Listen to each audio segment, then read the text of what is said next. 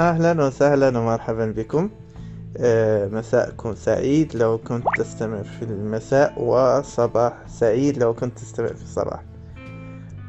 آه، وضعت هذه التدوينة يعني فهناك من طلب يعني التوسع فيها. إن شاء الله نحاول مستقبلا أن نقوم بالتوسع في مجموعة ديال التدوينات اللي ممكن تكون قصيرة.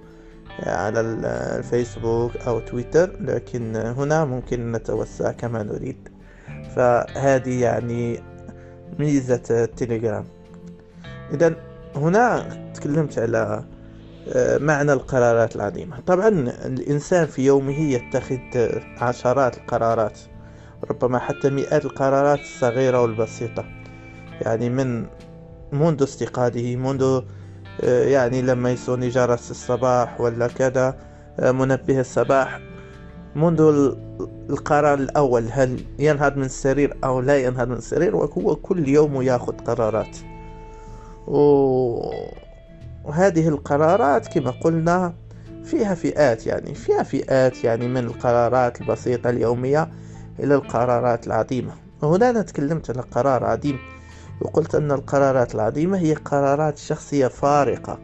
يعني قرار عظيم هو القرار الذي آه، يصنع مسار جديد أو اختيار مسار جديد. نعرف أن الحياة هي في الأخير عبارة على مسارات آه، ممكن تشبيهها بطرق السيارة. فالقرارات البسيطة هي قرار يعني في أي محطة أقف آه، متى أتناول الغداء كذا. لكن القرار العظيم هو تغيير آه، طريق السيار متى أخرج من طريق السيار وأخذ طريق سيار جديد؟ أخذ مسار جديد. فهذا ما يسمى بقرار عظيم هو قرار فارق قرار بحيث أن الإنسان خصوصا إن لم يكن يعني هو نقوله آه، مقتنع بالحياة التي يعيش بها أو هو سعيد في الحياة التي يعيش بها.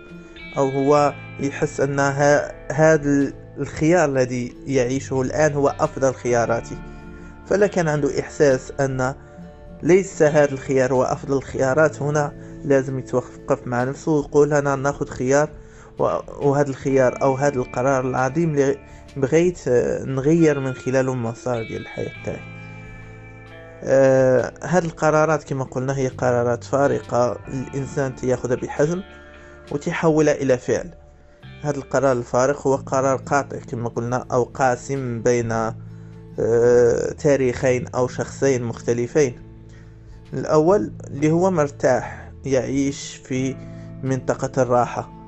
يعني هو يعني نقولوا آه، عاشر كسله ارتاح مع كسله و... وأصبح معتادا على حياته اليومية التي معتادا على مشاكله الصغيرة اليومية معتادا على آه، حياته كذا فهذه تسمى منطقة الراحة حيث لا فعل الجديد ال... ال... نقولوا هنا لا قرار عظيم لا شجاعة حيث آه، لا مبادرة فقط يعني يوم مكرر تك... آه، كل يوم هو شبيه اليوم السابق. كما قالوا إذا تشابه يومك فأنت يعني ضائع في أحدهما. فهذه منطقة الراحة. لكن لما الإنسان يأخذ القرار بأنه يغير المسار فهنا يدخل منطقة الشجاعة. ومنطقة الشجاعة بأكثر ما تتصف هي تتصف بالتذبذب تتصف بوجود تحديات جديدة مشكلات جديدة. آه، وكذلك تتصف بوجود خيارات جديدة. فالإنسان مثلا لما يأخذ أي قرار مثلا الأكل الصحي مثلا ولا يعجبه يعني شكله والجسد تاعه آه، ويريد أنه يغير من شك من جسده أو فقط يريد أن يصبح بصحة أفضل يعني حتى بدون ما ننتبه للشكل ممكن حتى في المجال الصحي. فقط أكل صحي. هذا الخيار هذا. الآن في منطقة الشجاعة لما تأخذ خيار أنت سيكون عندك سيكون عندك امتحان. لماذا قوة هذا القرار؟ يعني غالبا ما إن تأخذ قرار بالأكل الصحي حتى تص... حتى آه، تنزل عليك دعوات الاحتفالات وكذا كالمطر. يعني ممكن حتى أصدقائك عائلتك اليوم كل يوم عند شخص وعزومات وأكل مختلف. فهذه يعني هو نوع من اختبار مدى قوة هذا القرار اللي بين قوسين ممكن يكون قرار عظيم في شأن صحتك يعني.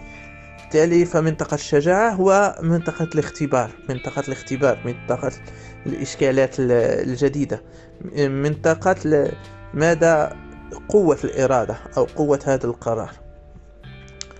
طبعا لما تختبر وستختبر يعني لما تأخذ قرار يعني أبشرك كما يقولون هنا الإنسان لو استمر وجاهد نفسه وصبر واستبر على هذا القرار فهنا يدخل منطقة أخرى. بعد ما يتجاوز هذه التحديات يدخل منطقة ما نسميها منطقة الحرية حيث الوفرة حيث أنها ستصبح عنده خيارات أوسع وأكبر حيث أن الإنسان كلما دخل في منطقة الحرية وليس فقط ما يسمى بالحرية المالية ولكن هنا نتكلم أن خياراته ستتوسع بشكل كبير.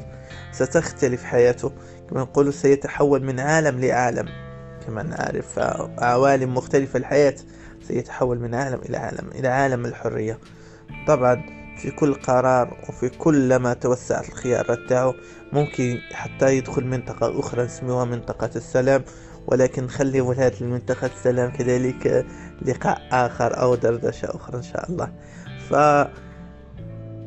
منطقة الراحة حيث عادي بن عادي حيث الإنسان الذي اعتاد حياته وهو كسلان لا هو لا يحب حياته لا يحب الحياة التي يريدها لكن ليست له قوة الإرادة الكافية لاتخاذ قرار عظيم.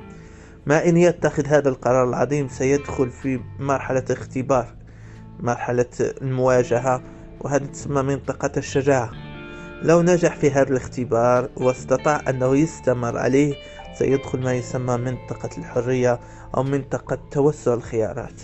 بارك الله فيكم ويسر الله أمركم. والسلام عليكم.